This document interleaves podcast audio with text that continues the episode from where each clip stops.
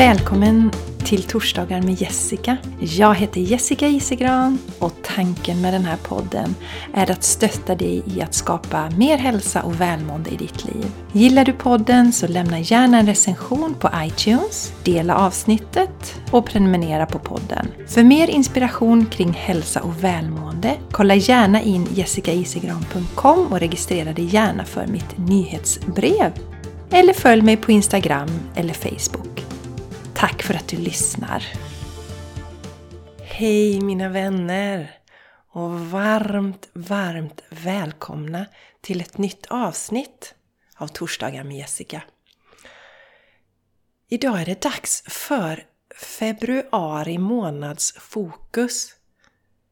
Februari är redan här. Jag tror jag säger det i varje avsnitt nästan att jag tycker tiden går så himla snabbt. Och nu är februari här. Och för dig som är ny så kan jag berätta att jag inför varje månad, jag tror jag har gjort det sedan i augusti förra året, sätter mig ner i meditation och så ser jag vad som kommer till mig när det gäller vad vi kan fokusera på den kommande månaden för att må så bra som möjligt. Och eh, om vi tittar tillbaks på december så var ju fokuset mycket på kärlek. Vi ska ju alltid sträva efter att vara i hjärtat. Men det kändes mer som att det var det som övervägde allra mest då. Varandet, kärleken och, och julen som ju är i december månad också är ju en tid för att vara med våra nära och kära och stanna upp och vara mer i mys och stillhet.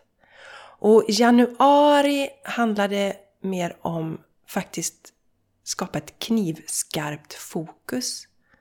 Vad vill jag? Alltså vad vill jag i livet? Vad är det meningen att jag ska fokusera på? För att eh, som jag sagt någon gång så, jag vet inte om jag sa det på podden, men jag har skrivit det på, i något inlägg tror jag på Instagram eller sådär. Att oväsendet på utsidan just nu, energimässigt, är ju enormt stort. Det är som att jämföra med ett världskrig. Tycker jag. Jag undrar om inte jag sa det i förra avsnittet också. Då får ni ursäkta mig i så fall. Men det gör ju att fokuset är ännu, ännu viktigare för oss då och i synnerhet för oss som är eh, empatiska och högkänsliga och gärna dras med i det som är runt omkring och sker runt omkring då. Så att vi inte blir totalt dränerade på energi. För förutom att vi då kanske har en tendens att finnas där för alla runt omkring oss. Eh, vi har liksom eh, tentaklerna ute hela tiden när det är någon som mår dåligt och behöver stöttning så är det nu liksom en hel värld då som är i ett, ett stort kaos. Och eh, det är väldigt lätt för oss att dras med. Så att i januari handlade det mycket om att dra in, dra in energierna, eh, dra in fokus. Och där har ni ju min meditation som jag, som jag har delat också, den här meditation som ökar din energi. För den handlar just precis om det här att dra in våran energi, ta tillbaka den energi som vi ständigt ger ifrån oss när vi är den här typen av personlighet då. Det är viktigare än någonsin att vi, vi medvetet tar in den, tar tillbaka den så att vi håller våran energi centrerad. Och nu då februari månad och eh, jag ska erkänna att det känns lite sådär läskigt inför varje månad när jag ska sätta mig ner och tänka så här, Tänk om det inte kommer någonting den här gången. Tänk om det inte kommer något som är bra eller vettigt. Och det är ju så i livet och det handlar ju om att lita då, att våga lita på det och ändå tro att jo, jo, men det kommer nog någonting. Och som sagt, jag sätter mig ner i meditation och sen så sätter jag en intention. Gör lite på olika sätt beroende på vad jag känner för, men just det här att vad... Alltså frågan jag ställer är vad behöver vi fokusera på? I februari månad. Och mina vänner, jag tänker att vi går in på budskapet och eh, jag läser upp det rätt och slätt. Det funkar ju så att jag, då som sagt när jag får till det, får det till mig så skriver jag det ett slags flödande skrivande. Så jag läser upp det som jag har skrivit. Så varsågoda, här kommer februari månads fokus. Februari kommer med ny energi. Om januari har varit en mellanmånad så är det nu energin börjar strömma in. Oj, nu är året inte sprillans nytt längre. Vad vill jag göra med resten av året? Vad vill jag ta tag i? Hur kan jag dra nytta av den nya energin som strömmar in? Nu tvingas vi verkligen göra vår hemläxa och göra arbetet själva. Vi får inte saker serverade på samma sätt. Vi kan inte göra det vi brukar göra. Hur länge ska vi trampa vatten? När ska vi göra det som får vårt hjärta att sjunga? Det finns ingen och inget utanför oss som kan trolla åt oss. Vi behöver vara vår egen magiker och skapa den värld vi vill leva i. Ja, mina vänner, det är månadens fokus. Och eh, jag var lite förvånad att det kom till mig. Jag funderade lite, ja men det har varit rätt gött att bara få eh, fokusera på mitt knivskarpa fokus egentligen. Det var rätt så fint. Men här känns det mer som att det blir mer, mer action på något sätt. Mer utåtriktad energi i den här. Att vi ska stå upp för dem vi är. Och också just då att verkligen ta tag i saker och ting. Och inte vänta på att någon annan ska lösa det åt oss. Jag har hört någon som nämnt det här med nanny state. Att det är det vi har levt innan. Att vi har haft en stat som har tagit hand om oss, som en barnflicka ungefär. Och det är den gamla tiden, det är det gamla paradigmet. Det är dags att vi som kollektiv blir vuxna på riktigt och inte låter oss styras. Det är dags att väcka urkraften inom oss, eh, känner jag att det är i det här budskapet. Och det är en slags omruskande energi. Om nu december som jag sa var en mjukare energi, mer kärleksfull. Och januari handlade om att eh, då på det personliga planet liksom, var lägger jag min energi? Dra in våra energier och den här meditationen som jag nämnde. Är du intresserad av den meditationen som är väldigt kraftfull så finns den på min sida jessicaisigran.com produkter och den heter meditation som ökar din energi. Och jag länkar till den också i anteckningarna till avsnittet här. Februari då, det handlar mer om att verkligen våga stå i vår kraft och vår egen sanning. Det är den energin som jag känner kommer. Och när vi står i vår egen sanning så gör vi ju det förankrade i neutralitet. Det handlar verkligen inte att trycka ner vår sanning i halsen på någon annan. Men det gäller att faktiskt stå upp för det som vi tror på, det som är sant för oss. Och när jag reflekterar lite kring det så eh, några av er känner ju till att jag äter en växtbaserad kost. Alltså 100% veganskt, det har jag gjort i många år nu. Och nu är det relativt enkelt faktiskt att eh, äta på det här sättet. Och det är inte lika ifrågasatt längre. Eh, det har ju till och med kommit till TV när vi har veganska kockar och några av er känner säkert till den här Vegomagasinet, den tidningen som är den tidning som växer mest i, i eh, Sverige. Och eh, säkert har någon hört talas om Jävligt gott, Gustav, som ju verkligen eh, vurmar för den veganska kosten. Att den ska nå ut till hushållen och sprider det då. Så idag är det inte så himla konstigt att säga att man är vegan. Men det har ju varit ett skällsord länge och vi ska vara medvetna om det att många av de här etiketterna handlar faktiskt bara om att splittra oss. Att skapa liksom diskussioner. Och jag tycker inte alls om att landa i en box. Alltså jag är inte vegan. Eh, utan jag väljer att äta på det här sättet. Sen har någon då satt en stämpel på det och sagt att då är det så och då är man si och så. Som sagt, tidigare var ju vi en minoritet som valde att äta på det här sättet. Men det blir fler och fler som gör det. Och det är inte samma skällsord längre. Eh, utan det känns mer okej. Okay. Och vi behöver vara väldigt, väldigt försiktiga nu när vi betraktar världen också. Hur dömer vi eh, de som är runt omkring oss och sätter etiketter på det. Och det som jag ser nu, som jag känns, känns viktigt för mig att jag ska dela nu i den här energin, att vi ska stå i vår sanning.